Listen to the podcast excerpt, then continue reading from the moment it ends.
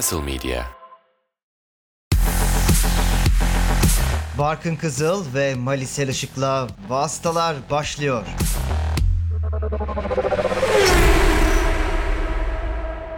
Castle Medya'da Vastaların 94. bölümüne hoş geldiniz. 4. sezon 23. bölümümüzde Meksika Grand Prix'sinin ardından sizlerle beraberiz. Ben Barkın Kızıl. Grand Prix'nin spikeri Malisel Işık'la beraber şu anda Mali'nin hakim olduğu bütün detayları konuşmak için hazır bekliyoruz. Mali hoş geldin. Hoş bulduk. Her turu yakından takip ettim boyunca. O yüzden umuyorum çoğu aklımda kalmıştır. Öyle düşünüyorum. Bakalım göreceğiz. Evet, e, yarışı anlatan kadar iyi takip eden genelde olmuyor. Tecrübeyle sabit bir durum olarak onu Doğru evet. Hafta Söylemek sonun isterim. bütün turlarını izliyoruz normalde ama e, izleyince e, o kadar bazı şeyleri gözden kaçırabiliyorsun. Belki işte bunun hazırlıkla falan da alakası olabilir ama e, ona katılıyorum ben de. O yüzden seni biraz nasıl söyleyeyim bilgi bankası niteliğinde de bu bölümde değerlendirebiliriz. Soru Ama bankası, mega hafıza. şimdiden söyleyeyim. şeyler. Yok ama yani hazırlan yani hafta sonuna hazırladığımız notlardan burada da kullanıyoruz. Onun çok faydası oluyor. Ee, o zaman istersen yarışa geçmeden önce hafta içinin gündemlerinden biraz bahsedelim. Hafta sonuna gelirken iki önemli gelişme vardı. Bir tanesi... Hatta 3 de vardı. Buraya 2 yazdık ama e, Alonso'nun 7. sırasının geri alma geri Aa, verilmesini de çok kısaca bir konuşalım. Evet. Haas'ın itirazı vardı tabii ki Alonso'nun otomobilinin güvensiz olduğu gerekçesiyle. Daha doğrusu Alonso'ya ceza verilsin diye değil de Bize niye... ileride ileride bize vermeye kalkmayın madem buna ceza vermiyorsanız diye. Aynen öyle. E, aynı şekilde Perez'in e, ön kanadını da e, şikayet etmişlerdi, protesto etmişlerdi. E, bu şikayeti 24 dakika geç göndermişler. Alpine de buna bir itiraz etmişti ve itiraz haklı bulundu. Fernando Alonso'nun 7. sırası e, yarıştan sonra birkaç saat sonra e, 30 saniye cezasıyla ondan geri alınmışken bir sonraki perşembe günü bizde Cuma'nın ilk saatlerine tekabül ediyordu. Alonso'ya geri verildi. Yani yarış yönetimi, yarış hakemleri ve FIA ile alakalı söyleyecek çok şey yok. Bunu araya sadece şöyle bir sıkıştırayım dedim. Asıl gündemlere geçelim. Evet iyi hatırlattın ama. Ben tamamen unutmuşum gerçekten. Yani saçmalık bana sorarsan onu da yorumlayayım. Çünkü şikayete bağlı değil zaten yarış kontrolün kimse şikayetçi olmadan da böyle bir kararı verebilmiş olması gerekiyor bence. Bundan Şikayet böyle bu arada çok saçma bir e, bahane. bundan böyle e, aynalarından bir tanesi kopan otomobil tehlikeli bulunmayacakmış. Yarışa devam etmesine de izin verilecekmiş bu arada. Yani daha az mekanik arıza bayrağı çıkarmaya çalışacakmış FIA. Öyle bir e, karar var. Ya zaten çok çıkan bir bayrak değildi. Çıkınca da Magnussen'e çıkıyordu. Magnussen bayrağı diye geçiyordu. Magnussen bayrağı hakikaten yani o, o biraz bilmiyorum Haas'ı kudurtmuş olabilir bu çıkan karar. Ee, yazık ne diyelim Ee, zaten adamlar e, Cefasını yani onlar çekti yazık yani. çok kötü bir ikinci yarı geçiriyorlar sezonda. Ee, Cefasını çektiler dediğin gibi. Ama şöyle bir şey de var tabii yani önümüzdeki sene şimdi büyük bir sponsor geliyor ama ona rağmen e, hani bizi sevenler, izleyenler, bize alışanlar çok farklı bir şey beklemesinler diye herhalde. Nicole Hülkenberg getirmeye hazırlar. Önümüzdeki yılda e, eziyet çekmek için özel çaba sarf edecekler sanıyorum. Göreceğiz yani Ben yani Mick Schumacher'in gitmesine değil de e, Nicole Hülkenberg'in geri dönüyor olması da çok takım. Döndükten sonra bir de harikalar yaratırmış. İnanılmaz utandırırmış beni. Hiç belli olmaz yani ama yani bilmiyorum hala saçma geliyor bana. böyle 5-6 olarak başlıyorlar sezonu açıyorlar. sonra Her sen yarış- diyorsun ki adamlar haklıymış. Ondan sonra şey Hülkenberg bir daha puanda yok sezon sonuna kadar. Sadece beni e, şey yapmak için, Aynen. zor durumda Sonra bırakmak ben için haklıymışım yarışıyor. diyorsun ama onu da söyleyemeyeceğin için çünkü o tiniyette bir insan olmuyorsun genelde. Aa yanılmışım falan diyecektim muhtemelen. Neyse. Eğlenirdik. Ee, geçelim istersen. Audi tabii ki isminin girdiği her yerde heyecan yaratacak bir marka motor sporları dünyasında. Zaten daha önce bu heyecanları yaratıp bu başarıları e, elde de etmiş bir takım. Özellikle bence yani Dünya Dayanıklılık Şampiyonası'nda yaptıkları çok özel. Ee, onun Dünya dışında zaten Şampiyonası'nda zamanında. Audi Tabii Quattro. ki e, rally. Onun, onun dışında işte DTM'de sanırım en son aktif olarak gördük. Formula For- E'de. Formula E'de yer alan bir takımdı. Sen anlattın zaten. Oradan yeni çıktılar sayılır. Yani dört teker varsa Audi'de oralarda oluyor. Hatta şöyle bir şey de var. Audi'nin Grand Prix tarihi var aslında. Auto Union adıyla İkinci Dünya Savaşı öncesinde 1930'larda falan çok özel insanlarla, çok özel pilotlarla yarışmışlar. İşte e, Hans Stückler, Tatsuno Volari'ler, Akile Varsi'ler, pek çok özel isimle. Bernd Rosemeyer aynı şekilde. E, zamanının güzel Grand Prix pilotları, zamanın saygıdeğer Grand Prix pilotları Audi bünyesinde yarışmış. O dönemki adı Auto Union ama işte yani. Yine de bir e, Formula 1 bir Grand Prix e, şeyi var, geçmişi var. Tabii oraya ne kadar girerler Formula 1'e döndükten sonra bilmiyorum. E, çünkü bir taraftan e, şey olarak da e, dönem olarak da Almanya'nın sıkıntılı bir dönemine denk geliyor. Hı hı. O yüzden e, Grand Prix geçmişimizi e, diye o kadar deşmeyebilirler o tarafları. Çünkü yani yarıştıkları bayrak sonuçta bayrak, hangi bayrak altında yarıştıklarını düşünürsen çok belki girmeyecekleri bir yer. Ama onu bir kenara bırakırsak da yani e, o dönem öyleymiş sonuçta yani hani yapacak bir şey yok. E, görüntülerden onu silinebilecek bir şey değil belki ama yani gümüş otomobiller denildiğinde sadece e, Mercedes değil e, Grand Prix'de aynı zamanda Auto Union otomobilleri de e, akla geliyor. Evet o biraz Almanya'nın da rengi gibi aslında zaten. Tabii Alman yarış rengi ama yani o dönemdeki sadece tek Alman marka Mercedes değildi onu hatırla, söylemeye çalışıyorum. E, o ikili güzel işler yapıyorlardı. E, ama tabii ki yani bir taraftan bir propaganda aracı olarak da zaman zaman kullanıyorlardı. O yüzden o geçmişe çok fazla girmiyorlar. Mercedes de mesela 1950'lerden sonraki e, Formula 1 geçmişinden bahsediyor. Daha önceki başarılarına giremiyor. E, öyle saçma bir durum oluyor tabii ki yani hani e, faşizm altında yapılan iyi işleri de e, şey yapamıyorsunuz. Ne denir? Anamıyorsunuz. Çünkü o kısmı tamamen tarihinizden kesip atmak istiyorsunuz haklı bir şekilde. Ee, ve yani Audi'nin gerçekten senin de söylediğin gibi eline attığı her yerde başarılı olması, çok sağlam bir şekilde geliyor olması e, bence Formula 1'in çok sağlam bir marka kazandığını gösteriyor. Çünkü geldiklerinde gerçekten başarılı olabilecek bir yapıyla geliyorlar. E, ve işbirliği kurduklarında da iyi işler yapıyorlar. Mesela Abt'la işte e, hem DTM'de hem de Formula E'de güzel bir ortaklık kurdular ki zaten onlar e, otomobil kısmında da e, çok yakın çalışıyorlar. Audi'nin hemen e, bir halka dışındaki e, resmi e, şeyi diyebiliriz, tuningçisi diyebiliriz yani. E, o yüzden ben Audi'nin gelişini çok merak ediyorum ve yani birkaç sene deneyip beceremezlerse sıkılıp gidecek bir marka olarak görmüyorum. Kalıcı olabileceklerini düşünüyorum ve umuyorum. Her yeni gelen marka o kadar heyecanlandırmayabiliyor ya da geldiklerinde ne kadar kalıcı olacaklarını çok bilemeyebiliyorsunuz. Bir görmek istiyorsunuz. Ama ben Audi'nin gelir gelmez e, sağlam bir şekilde geleceğini düşünüyorum. Çünkü 2026'da yeni güç üniteleriyle birlikte Audi gelecek ve e, orada istedikleri şartlar onlar için oluştu. Şimdiden çalışmaya başladılar. E, Neuburg'daki e, güç ünitesi e, fabrikasını daha doğrusu güç ünitesi fabrikası olarak kullanacakları yeri genişlettiler ve e, şimdiden eleman alımına başladılar. Personel e, kalabalıklaşıyor. 2025'te de bir e, test otomobiliyle e, 2026'ya hazırlanacaklar. E, tabii ki şey de söylemek lazım. Otomobil Sauber'in Hinwil'deki tesislerinde tasarlanacak ve üretilecek. E, Sauber'i seçmelerinin sebebi de şu, onu da söyleyelim. E, daha önce e, LMP1 otomobillerinin o Le 24 saat Dünya Dayanıklık Şampiyonası'nda e, çok iyi işler yapan otomobillerin tasarımında e, Audi, Sauber'in Hinwil'deki rüzgar tünelinden yararlanmışlar ve gerçekten çok sevilen, çok dışarıya da bu arada kullanım için kiralanan ve takdir gören bir rüzgar tüneli. Çok gelişmiş bir rüzgar tüneli. Oradan zaten tesislerin çok yeterli olduğunu biliyorduk diyor Audi yetkilileri. E, ben açıkçası memnunum yani bu ikili e, güzel işler yapacaktır. Bir de şöyle bir durum var. E, Sauber'in de markalarla, büyük markalarla ortaklıkları e, Sauber tarafı en azından hep başarılı. Daha önce işte Sauber Mercedes spor otomobillerde e, ve hatta Sauber'in Formula 1'deki ilk yıllarında da ufaktan ve uzaktan bir Mercedes desteği var. E, Ferrari ile e, 2000'li yılların başında e, bir ortaklık içerisindeler. İşte bir yıl eski Ferrari şasileriyle motorlarıyla yarışıyor Sauber. E, hatta orada işte Ferrari Junior'larında yarıştırıyor Felipe Massa gibi. E, daha sonra BMW Sauber oluyor tabii. BMW takımı satın alıyor.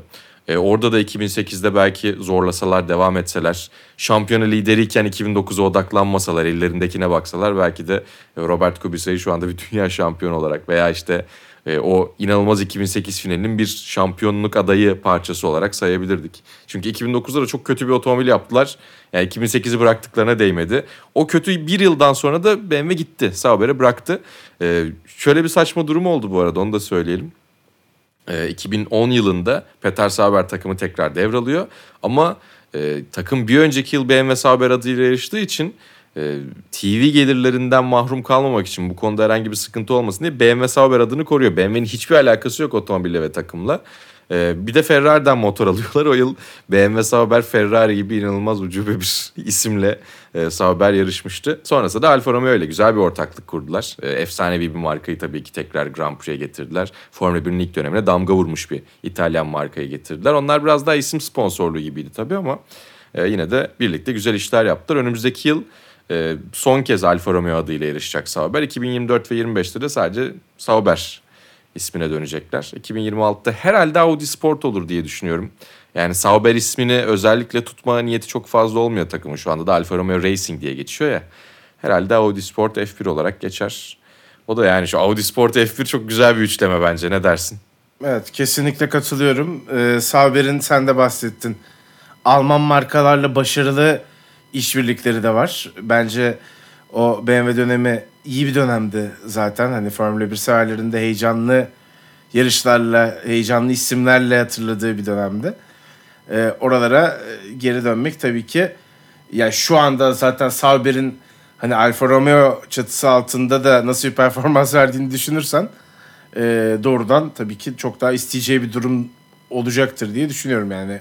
Sadece Audi için Sauber cephesi için de e, iyi bir ortaklık olduğunu tahmin ediyorum. İsim geçse de geçmese de. Hep beraber göreceğiz. Heyecanlıyız herhalde Audi'nin gelmesinden dolayı. Yani Porsche ilk olarak konuşuldu tabii ki. Hala belki kendilerine bir ortak bu sefer. bulabilirler.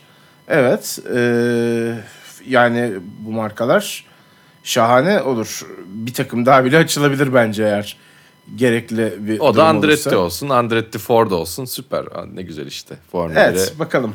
istediği tatları getirsinler. Bir yandan tabii bir diğer gündem maddemizde e, bu kadar keyifli olmayan bir konu. Biraz daha tartışmalı bir konu üzerinden gerçekleşti. Zaten bir süredir Red Bull ve Aston Martin'in bütçe aşımıyla ilgili yani bu ihlalleri kanıtlanmıştı. Cezalarının ne olacağı bekleniyordu. Ve nihayet e, ceza çıktı tabii. Özellikle Red Bull'un cezasının üzerine daha çok duruldu. Hem biraz daha göz önünde doğrudan şampiyonluğa oynayan takım olması sebebiyle hem e, daha fazla, daha büyük bir ihlal ve daha büyük bir ceza ile sonuçlanan bir durum olmasından ötürü. Red Bull'un yani para cezası evet 7 milyon dolar para cezası var. Bu az bir para değil aslına bakarsan. Formula 1 bütçesine bile yani Formula 1 takımlarının zenginliği bile göz önünde bulundurulursa az bir para değil bence. Ama esas e, sıkıntıyı yaratabilecek olan %10'luk bir araç geliştirme hakkı ellerinden alındı. Yani rüzgar tünelini mesela daha az kullanmak zorunda kalacaklar. E, sen burada not olarak da düşmüşsün zaten. Aynı zamanda CFD de var hesaplamalı akışkanlar dinamiği de. Çünkü Evet, o- orada bir da kısmında yine- bilgisayarda tasarlıyorlar orada şey yapıyorlar o teknolojide çok ileri bir hale geldi.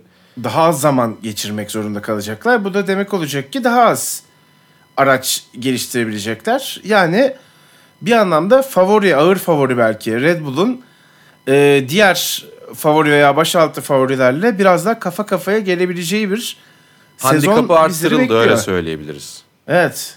Ee, zaten şey de söz konusu biliyorsunuz. Şampiyon sıralamasına göre e, otomobillerde işte bu test zamanları paylaştırılıyor. Bir de oradan şampiyonlukta zaten azalıyorlar.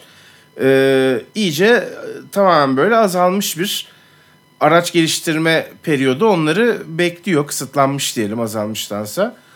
Ee, bakalım nasıl başlayacaklar. Tabii en büyük artı yine Adrian Newey olacak bence. Ee, bir küçük artı bu araçlarla ilk senenin geçilmiş olması olacaktır. Yani bunu geçen sene yaşasalar çok daha büyük problem olabilirdi diye düşünüyorum. Ee, ama e, tabii ki bir şekilde oradan da çıkmaya bakacaklar. Belki sezon içinde biraz daha fazla gelişime para yatırmak durumunda kalacaklar. Hep beraber göreceğiz.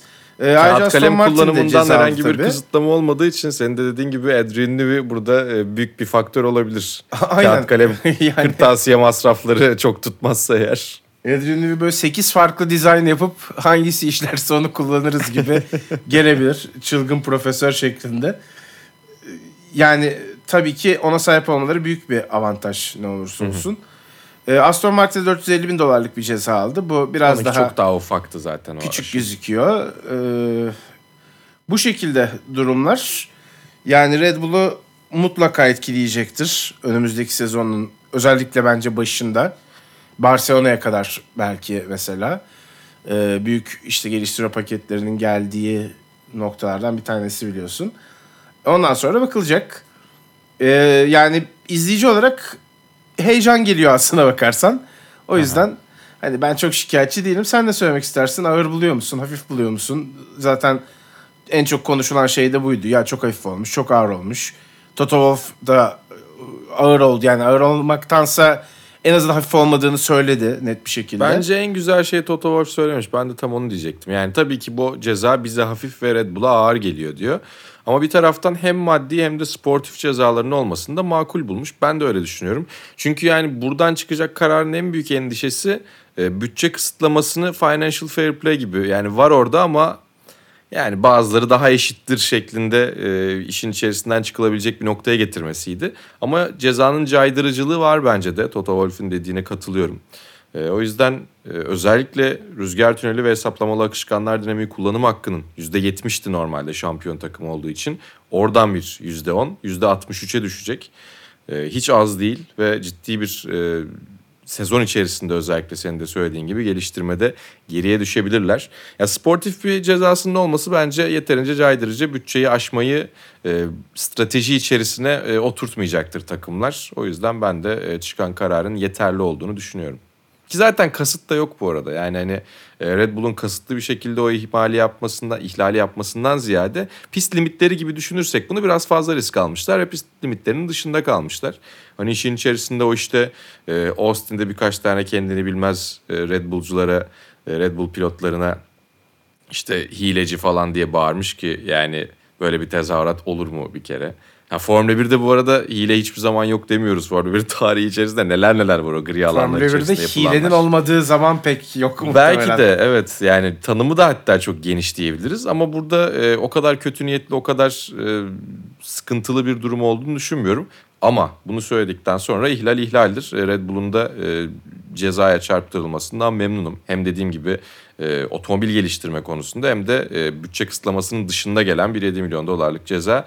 E, ki yani şunu da söylemek lazım. Red Bull'un da Aston Martin'in ihlali de aslında e, hafif ihlal olarak geçiyor. Yani bunun bir sonraki şeyi, e, seviyesi daha büyük miktarlarda bir aşım olsaydı e, çok daha büyük cezalar da gelecekti zaten. Tabii yine FIA'nın şurada şöyle bir eksiği var. E, hangi cezayı hangi şartlarda vereceklerine dair net bir durum yoktu ortada. Biraz böyle bir başlayalım da biz oradan sonra karar veririz gibi muallak bırakmışlardı her şeyde yaptıkları gibi. E, o kuralların biraz daha net olmasını, herkesin kafasında daha net oturmasını tabii ki isterim.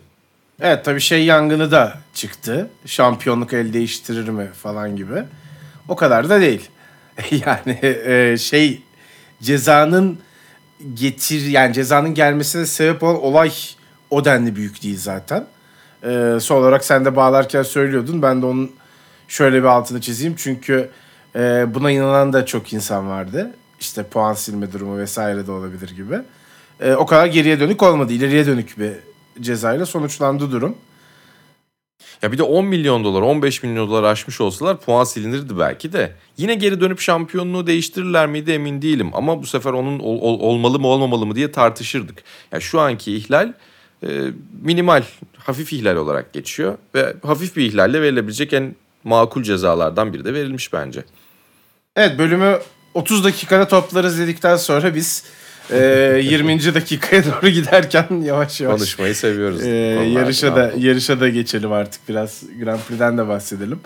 Onun dışında da yine e, tabii ki son bölümde motor sporları oyunlarına da kısa da olsa bakacağız. O da önemli bir etkinlik bildiğiniz gibi. E, ama ilk olarak Meksika'ya, Meksiko City'ye şöyle bir gidelim tekrardan. E, sıralama seansında Valtteri Bottas sezonun başını hatırlatan müthiş bir performansa imza attı. Bence sıralamanın yıldızıydı.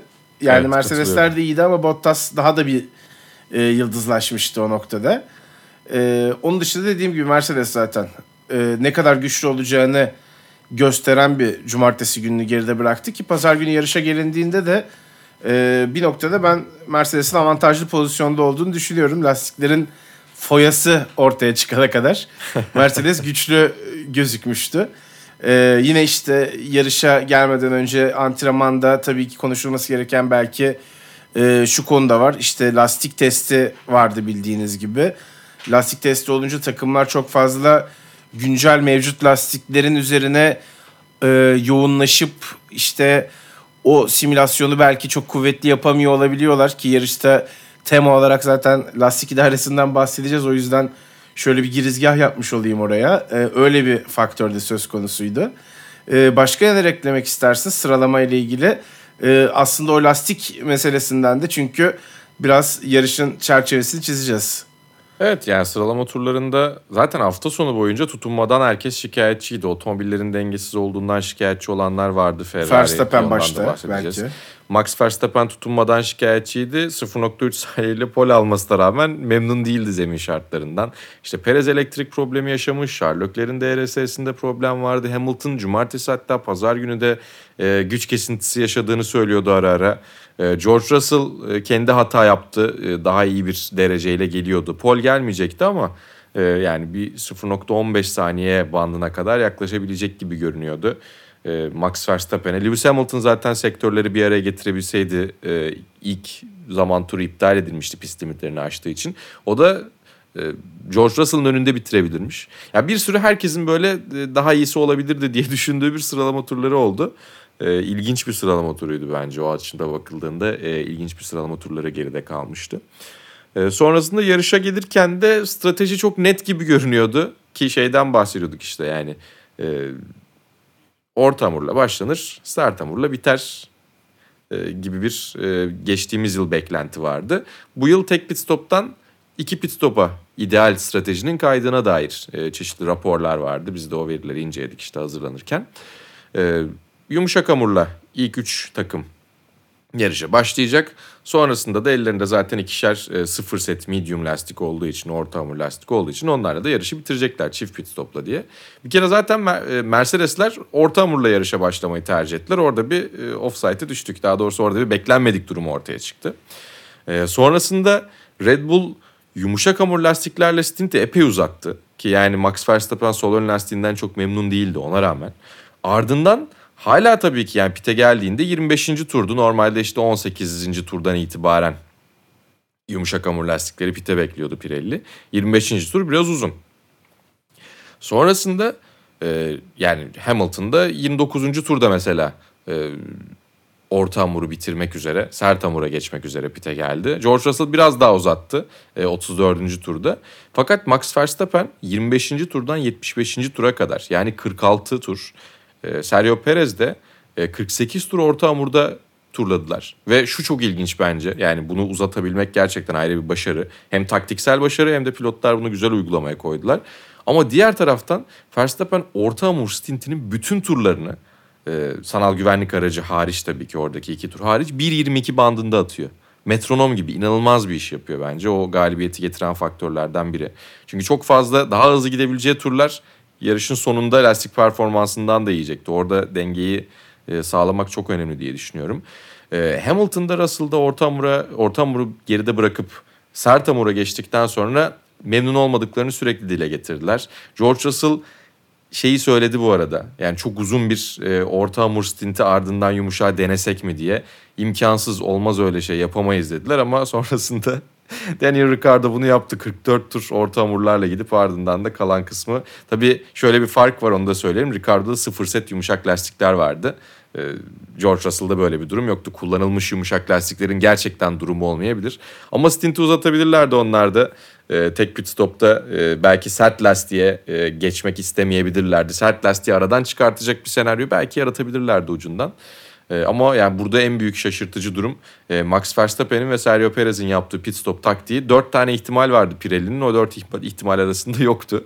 E, bir şekilde e, mucizeyi yarattılar. Yani çok da özel bir iş zaten. Evet. Demir lastikler gerçekten öne çıktı. E, takımların bu fikir işte hani kafalarında oluşmaya başladığında olduğu pozisyon da çok kritik oldu. Mercedes'in orta hamurla başlama tercihi belki onlara yarış galibiyeti olarak dönebilirdi çünkü hakikaten.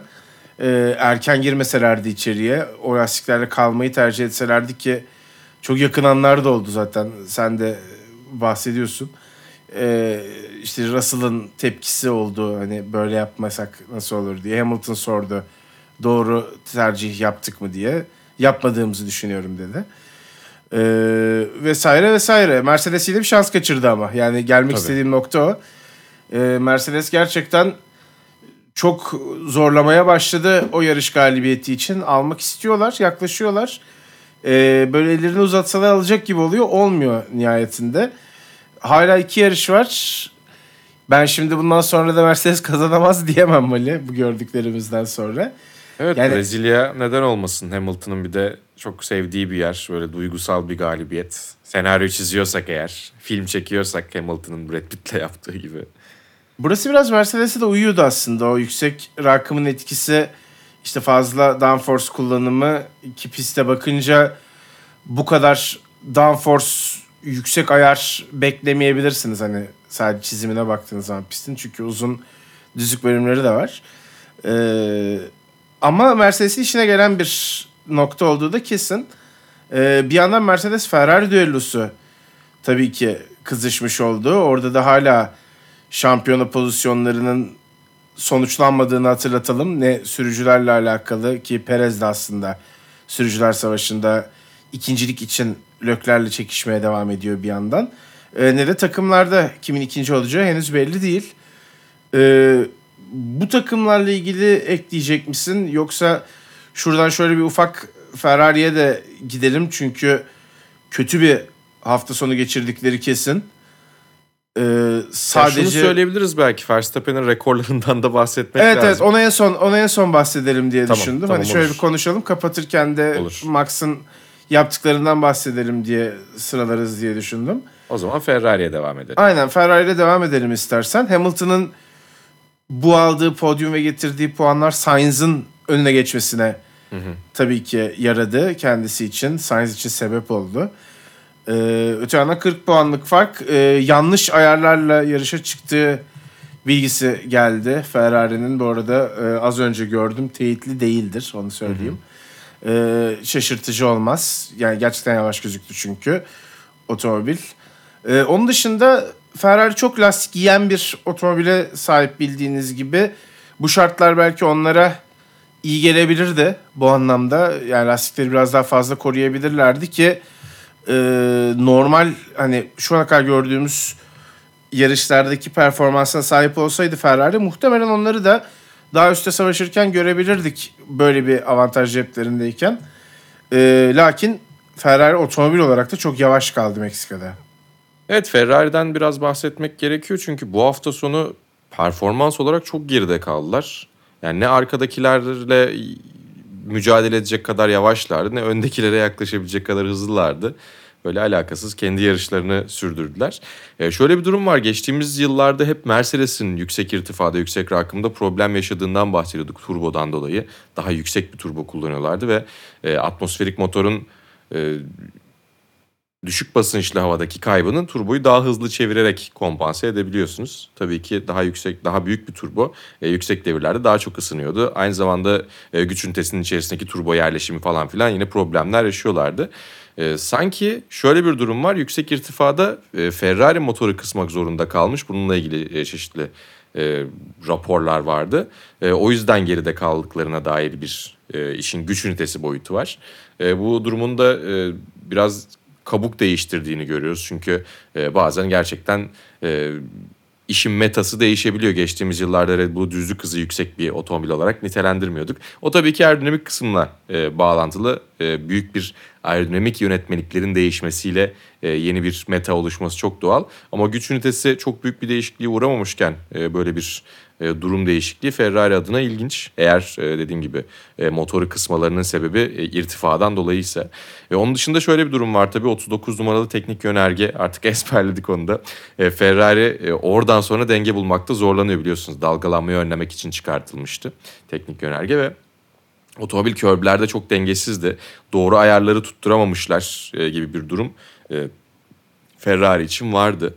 E, ve senin de söylediğin gibi e, ikinci serbest antrenmanların e, tamamı e, ilk serbest antrenmanlarda piste çıkan pilotlar için e, Pirelli'ye adandı ve yani bir serbest antrenmanı boşa e, çıkarmak zorunda kaldılar. Orada sadece Pirelli'nin 2023 yumuşak lastiklerini test ettiler. E, o yüzden de e, Ferrari'nin bu hafta sonu e, pist üstünde yeteri kadar deneme yapamamasıyla doğru ayarları bir şekilde bulamaması da söz konusu olabilir. Sadece yeterli vakti olmamış olabilir bu deneme yanılmalar için. E, onun dışında e, yani tabii ki Ferrari ile bu yıl beceriksizliği daha fazla bağdaştırıyoruz ama sadece şartlar o şekilde gerçekleştiği için de Ferrari'yi böyle e, garip bir durumda bu hafta sonu görmüş olabiliriz. Evet bir yandan motivasyon da tabii ki önemli bir soru işareti olarak e, bu sezon bitene kadar kalacaktır. Ferrari'nin üzerinde bence. Orada tekrar bir toparlama göremedik açıkçası. Yani çok kötü giden dönemin ardından e, pek de keyifli bir sezon sonu olmuyor Ferrari için. En azından ikinciliği muhafaza etmeye çalışacaklar. İşte sürücüler şampiyonasında önde kalmaya çalışacaklar rakiplerden. E, böyle bir mücadelenin içinde olmayı Ferrari taraftarı da beklemiyordu sezonun başında. Şampiyonluk yarışında olmayı hayal etmişlerdi diye tahmin ediyorum. Ee, ancak Meksika'da da pek kayda değer hatırlanacak bir yarış olmadı Ferrari için. Ee, bir ton değiştirelim. O kırmızı renkten hafif papayaya doğru geçelim istersen. ee, günün pilotu Daniel Ricciardo oldu. Ee, hem stratejisiyle yol gösteren bir çizgide yarışını koştu Ricardo. Ee, hem de günün pilotu olurken e, bir yandan da ceza da aldı. 10 saniyelik ceza da aldı. O farkı açarak cezanın etkisini nötralize etmeyi başarmasına rağmen pist üstü pozisyonunda kalmasına rağmen e, açıkçası sert bir kazanın parçası oldu. E, bunun dışında harika bir pit stopu da var McLaren'ın. E, bunun da yanında Alpine'le ciddi bir mücadeleleri var.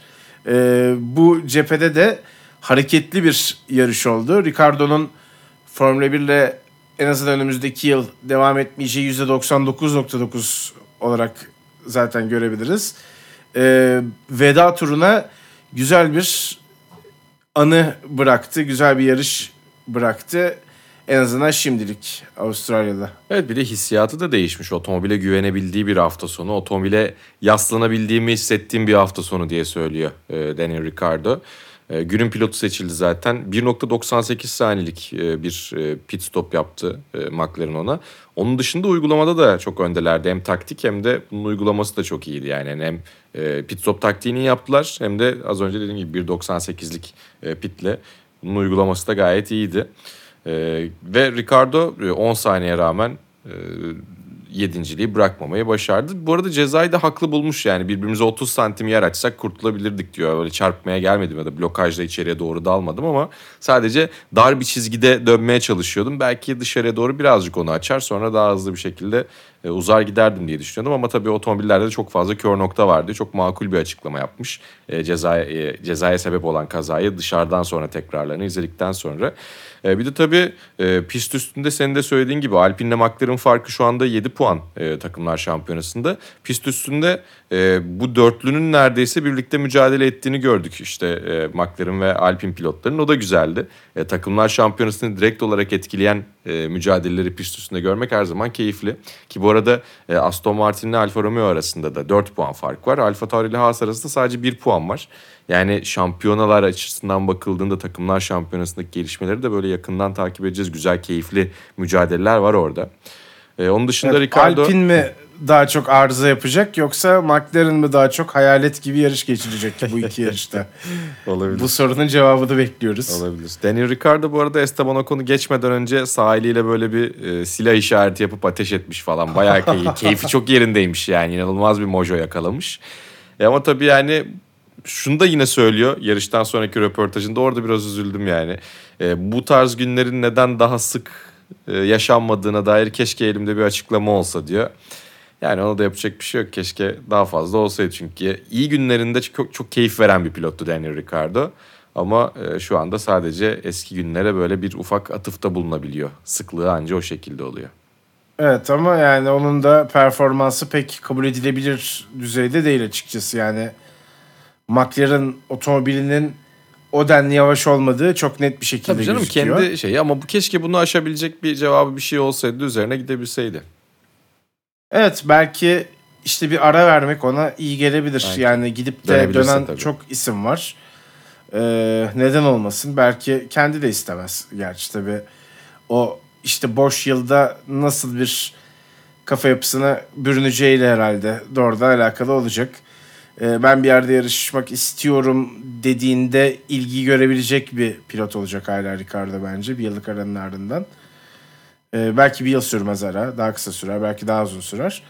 Ee, ama yani tam bir elveda değil en azından bir virgül olabilir diye düşünüyorum. Göreceğiz. Ee, tek yarışlarda belki işte yedek olarak, süper yedek olarak kendi görev bulabilir. Ee, bakalım ne olacak? Daha sezonda bitmedi tabii. Biraz daha izleyeceğiz Ricardo'yu McLaren'la beraber. Ee, öte yandan sen zaten puan farklarından da bahsettin. Çekişmeler devam ediyor gerçekten.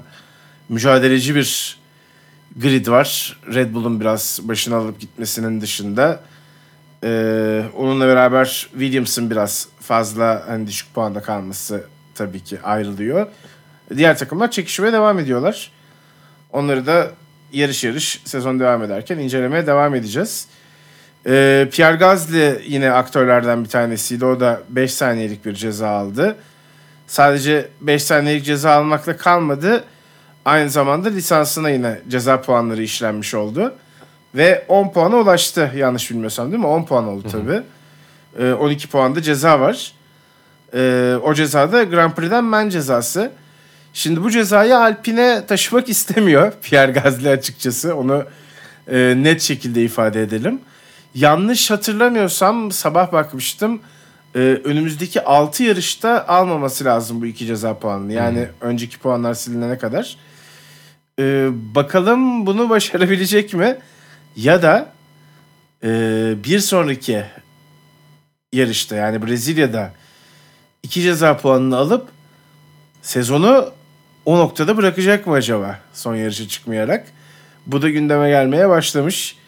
Ee, ilginç bir ikilemin içinde Pierre Gasly. Bence e, temiz bir şekilde gitmek istiyor Alpine. Böyle bir şeyi beraberinde getirmek istemiyor. Bir yarış kaçırmak istemiyordur diye düşünüyorum. Ee, kural değişsin diye de biraz hafif lobi çalışması yapmış. Hem ben hem diğer pilotlar bunu böyle bu şekilde düşünüyor diye hemen açıklamaları yapmış. Ee, kuralın değişmesini de istiyor olabilir sezon arasında.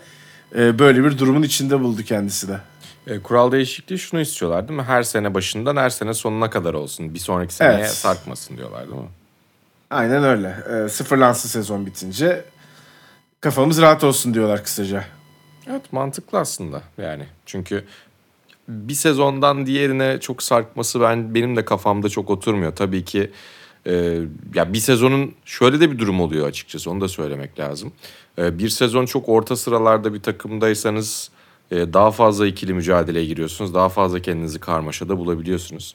Bir sonraki sezonda tek bir hatanızda uzun süre içerisinde tek bir hatanızda daha kompetitif bir otomobille belki e, ceza alabiliyorsunuz. Men cezası alabiliyorsunuz. O yüzden sene içerisinde değerlendirmek, kendi bağlamının dışına çıkarmamak çok mantıksız olmaz bence de. E, biraz da Fernando Alonso'dan bahsedelim. Evet tabii ki bu hafta sonunda konuşulmaya değer isimlerinden bir tanesi oldu. Ee, çok yani kendisinin de sinirini bozduğu belli olan arızalardan kaçamamaya devam ediyor. Ee, bu sezon zaten kendi cümlesiyle 70 puan kaybettiğini söylüyor sadece bu arızalar sebebiyle. Onun dışında bir de şeyi de söylüyor. Ee, McLaren döneminde yarışırken de bunlar çok başıma geliyordu ama iki araca birden oluyordu. Alpine de diyor ne hikmetse sadece 14 numaralı araca. Çok kaliteli Böyle bir şeyler oluyor. Ya. Yine karıştırıyor ortalığı. Yani bu açıklaması var. Bu açıklaması e, hakikaten gündem yaratır.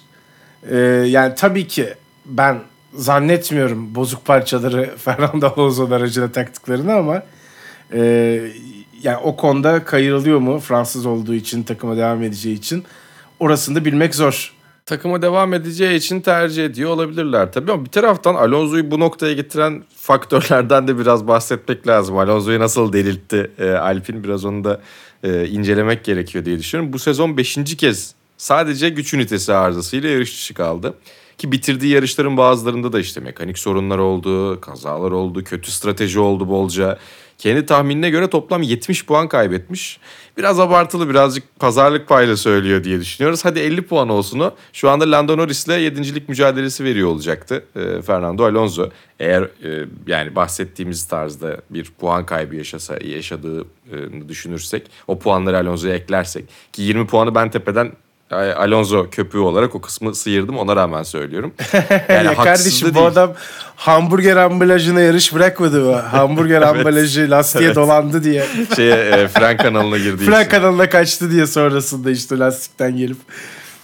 Böyle bir şanssızlık var bir tarafta. Ve yani çok e, kompetitif bir adam bir kere onu da söylemek lazım. E, yani e, çok güzel yarış içerisinde mücadele ediyorlardı. E, yarış çıkalınca çok büyük de bir tepki gösterdi. Çok üzüldü e, hala o e, kompetitif e, ateşi içerisinde taşıyor Fernando Alonso.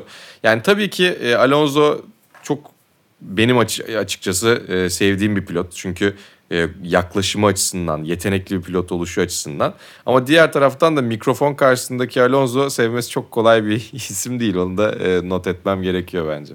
Evet hırs makinelerinden bir tanesi. Ama öyle şampiyon olunuyor işte. Seviyorum. Gerçekten yani çok ciddi hırslara sahip olmayıp da şampiyon olan çok az isim var. Birden fazla şampiyon olup da bu derece e, neredeyse hastalık derecesinde rekabetçi olmayan bence kimse yok Formula 1'de. Haklısın. Ben de öyle düşünüyorum. Ee, bir şampiyonluk olabiliyor belki ama Sonra işte Formula 1'i bırakıyorsunuz. Öyle Mesela, bir hırs yoksa içinizde. Ya da, ya da Jenson ee, Button gibi yani dünya efendisiydi ama bir şampiyonluk oldu öyle denk geldi. Evet doğru o da, o da iyi bir örnek Hı-hı. yakın zamandan bir örnek. Ee, diyerek de şöyle bir Max Verstappen'e sahneyi bırakalım yarışı konuşmayı sonlandırırken. Müthiş sezon devam ediyor Verstappen için. Ee, Meksika'daki dördüncü galibiyeti olmasının yanı sıra bu sezonda 14. yarış zaferi. Müthiş. Artık tarihte bir sezonda en çok yarış kazanan isim tek başına. Ee, bunun da yanında en çok puanı da toplayan isim bir sezonda Max Verstappen. Ve daha bitmedi sezon. Ee, bundan sonra iki galibiyet daha almaması için çok ciddi bir engel olmadığı da ortada gözüküyor. Evet takvim uzuyor. Puanlar daha fazla, galibiyetler daha fazla e, gelebiliyor bunun ışığında. Buna rağmen e, yepyeni hiç bilinmeze açılan bir dönemde en güçlü otomobille başlamadığı bir sezonda e, böyle bir sonuç. Erken şampiyonluk zaten cepte. Yani ne denir bilmiyorum. Bravo denir. Başka da bir şey denmez. Yani Red Bull'un da çok özel bir işi var tabii. Onu da söylemek lazım. Kesinlikle. Ee, RB18 16. galibiyetini elde etti bu sene. 19 yarıştır podyuma çıkıyorlar. Ee, öyle bir seri yakaladılar yani. Ee, 9 yarıştır da kazanıyorlar. Yani bence çok özel bir ekip bir araya geliyor. Hep öyle olur ya zaten bu işte e, çok dominant sezonlarda, çok dominant dönemlerde hatta Formula 1'in şu an yeni döneminin ilk sezonundayız. Bilmiyoruz bu bir dominasyona döner mi diye ki zaten konuştuk. Red Bull'un cezasıyla belki öyle bir durum çok ortaya çıkmayabilir. Ama e, çok iyi bir teknik ekip, çok iyi bir strateji ekibi, çok iyi bir otomobil ve çok iyi pilot ve pilotlar e, bir araya gelmeli ki böyle bir sonuç ortaya çıksın. O açıdan bakıldığında da çok özel bir şeye tanıklık ettiğimizi e, bence hepimizin fark etmesi gerekiyor diye düşünüyorum. Evet yani casual izleyici bir takımdan dört çalışanın ismini biliyorsa genelde o takım efsane oluyor kadro olarak. Evet güzel. Ee, böyle bir çıkarım yapabiliriz herhalde. Doğru. Ee, yani daha böyle isimsiz kahraman olmaktan konuşulan gündem olan bu başarının parçası olduğunun hakkını verilen isimler haline dönüşüyorlar. Ee, işte Red Bull'da da zaten benzerini söyleyebiliriz Hı-hı. şu anda. Hana Schmidt'e kadar konuşuluyor biliyorsun. Evet ben çok ee, hoşuma genelde... gidiyor bu arada. Gerçekten e, Hana Schmidt'in e, sezon içerisindeki takıma etkisi ve bunun tabii ki motor sporlarındaki e, motorsporlarına girmek isteyen veya motorsporlarına ucundan kıyısından yeni başlamış e, genç kadınlar için de güzel bir örnek olduğunu düşünüyorum. E, özellikle Hannah Schmidt'in e, öne çıkarılmasından da o açıdan çok memnunum, çok faydalı görüyorum. Evet o da bence güzel bir şekilde temsil ediyor takımı. Yani strateji depar- departmanı en güçlü departmanlarından bir tanesi Red Bull'un ki. ki. zayıf departmanında yok pek zaten. Bugün takımın. st- O- işte bu hafta sonu e, yaptıkları sıyrılıyor. strateji şovundan bahsediyoruz yine yani. Aynen öyle ki çok konuştuk. Bu sezonun da temalarından bir tanesi oldu. Red Bull'un verdiği doğru kararlar, anlık değerlendirmeleri, iyi yapmaları diyerek e, Mexico City defterini kapatalım istersen. Fransa'ya bakalım şöyle bir.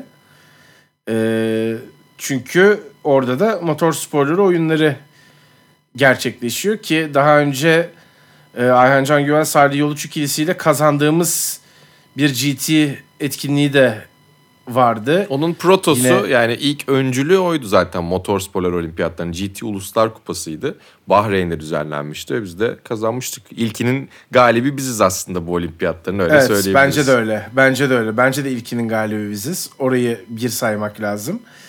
Ee, bunun dışında birçok isim orada yine bizi temsil ediyor ki Ayhan Can yine oradaki isimlerden bir tanesiydi. Ee, bunun dışında iyi bir rally performansı ortaya koydu yine Türk sporcular. Ee, biraz istersen sana da bırakayım tabii ki bahsetmek için. Serhan abi de orada bildiğin gibi. Evet. Ee, o da Tosfed'i tabii ki temsilen de orada bulunuyor. Ee, böyle güzel bir ortam bence bunun yayınlanması lazım. Ee, yani çok yayınlanmaya, izlemeye uygun bir format olduğunu da düşünüyorum ben açıkçası.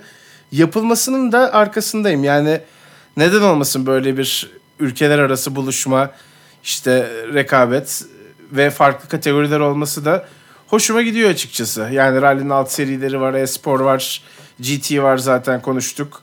Ee, daha bile çeşitlendirilebilir hatta bence. Evet yani e, işte senin de söylediğin gibi touring otomobilleri var, pist üstünde var, e, asfaltta var, toprakta var, çeşitli yerlerde var. E, ki TRT'de TRT Spor Yıldız üzerinden sanıyorum yayını yaptı hafta sonu. E, ama tabii ki e, daha da büyüyerek devam etmesini umduğumuz e, motor sporları olimpiyatlarından bahsediyoruz. E, ki 2019'da tek branşta katılım göstermiştik. Yine GT'de, e, GT Endurance ve GT Sprint'teydi sanıyorum. E, Salih Yoluş'la Ayhan Can Güven e, çıkmışlardı. Ama orada organizasyonel sıkıntılar olmuştu. İşte zorunlu pit stoplarda falan kurallarda böyle bir takım e, problemler vardı. Daha yeni yeni oturduğu ilk denemesiydi e, motor sporları oyunlarının. E, bu yıl tabii çok özel bir özveriyle bence e, TOSFET'te 10 sporcu ve 8 ayrı disiplinde mücadele verdik. E, sevgili Serhan Acar da Serhan abi de e, kafile başkanı olarak oradaydı. Çok gururluydu her seferinde çok e, gülerek, e, mutlu olarak bahsediyordu. Dönünce de anlattıracağım ona. E, ve şey tabii ki yani TOSFET Genel Sekreteri olarak orada bir de kafile başkanı unvanını taşıyor olmaktan gerçekten böyle e, koltukları kabarmıştı. Ee, tek madalya Ali Türkkan ve Burak Erdener'den geldi. Rally 4 kategorisinde e, genç yeteneklerimizden bir tanesi Ali Türkkan. E, Ayhan Can Güven GT Sprint yarışına dördüncü başladı. İkinciliğe kadar çıktı ama sonra bir otomobil problemi yaşamış ki sosyal medyadan da zaten açıklamasını yaptı. E, inceleyeceğiz ne olduğunu göreceğiz diye tam net bir problem değildi herhalde. Beşinci sırada bitirdi. Ya oradan da bir madalya gelebilirdi. Rally 2'de Orhan Avcıoğlu ve Burçin Korkmaz ki zaten Avrupa'da ve Türkiye'de çok büyük başarılar elde etmiş bir ikili tecrübeli de bir ikili, şampiyon bir ikili. E, madalya etabına kalmayı bir sırayla kaçırarak onlar da dördüncü oldu. Oradan da gelebilme ihtimali vardı madalya. Yani tek madalya aldık ama 3-4 madalya rahatlıkla alınabilecek bir durumda vardı. E, E-Spor'da da yıldız pilotumuz Ulaş Özyıldırım. E, startta geriye düşmesine rağmen tırmandı ama e, madalya yetmedi. Orada da bir şanssızlık biraz e, sert bir e, açılış olmuş. Ama yani katılan herkesi de tebrik etmek gerekiyor. Çok farklı kategorilerde işte drift'ten crosscar'a, e, rally'den pist üstündeki mücadelelere kadar, e, karting'e kadar e, çok e, yetenekli isimler. Bazen tecrübeli şampiyonlar, bazen genç e, yeteneklerimiz, geleceğin yıldızları bizi temsil ettiler. E, umarım önümüzdeki yıllarda düzenleme fırsatı da buluruz. E, doğru tesislerle, doğru fırsatlarla. E, ve katılımı da devam ettiririz. Biz de yakından takip ediyor olacağız. Team Türkiye'yi buradan tebrik ediyoruz. Evet tebrik edelim. Bir çağrı da ben yapayım. Motosikleti de bu işin içine dahil edin. Değil Kim kimle anlaşıyorsa FOA e, ile federasyonlar evet doğru bir işte araya orada gelsinler. Çok güzel olur. e, böyle tamamen bir motor sporları olimpiyatı şekline dönüştürülsün diye bir Çok Ee, güzel. Çok tavsiye- güzel fikir. Neden olmasın. E, bizim de Türkiye olarak tabii ki Madalya şansımız güçlü- artar bayağı. evet en güçlü olduğumuz branşlarda eklenmiş olsun buraya. Çünkü neden olmasın. Evet Mali şaka maka gerçekten dop dolu bir bölüm daha yapmış olduk yarışı nasıl konuşacağız derken Hep böyle oluyor bu arada. Yarışın daha nispeten pist üstü aksiyonun az olduğu bölümlerde uzun uzun konuşuyoruz. Formula 1 gündemi gerçekten bizi e, konuşturtuyor diyelim. E, şimdilik bu bölümün sonuna gelelim. Bir sonraki buluşmamızda artık 95. bölüme Vay be. geleceğiz. Yüze doğru da gidiyoruz. Şimşek. McQueen bölümü yaparız 95'te. O zaman e, bir sonraki bölümde tekrar görüşünceye dek şimdilik hoşçakalın. Hoşçakalın.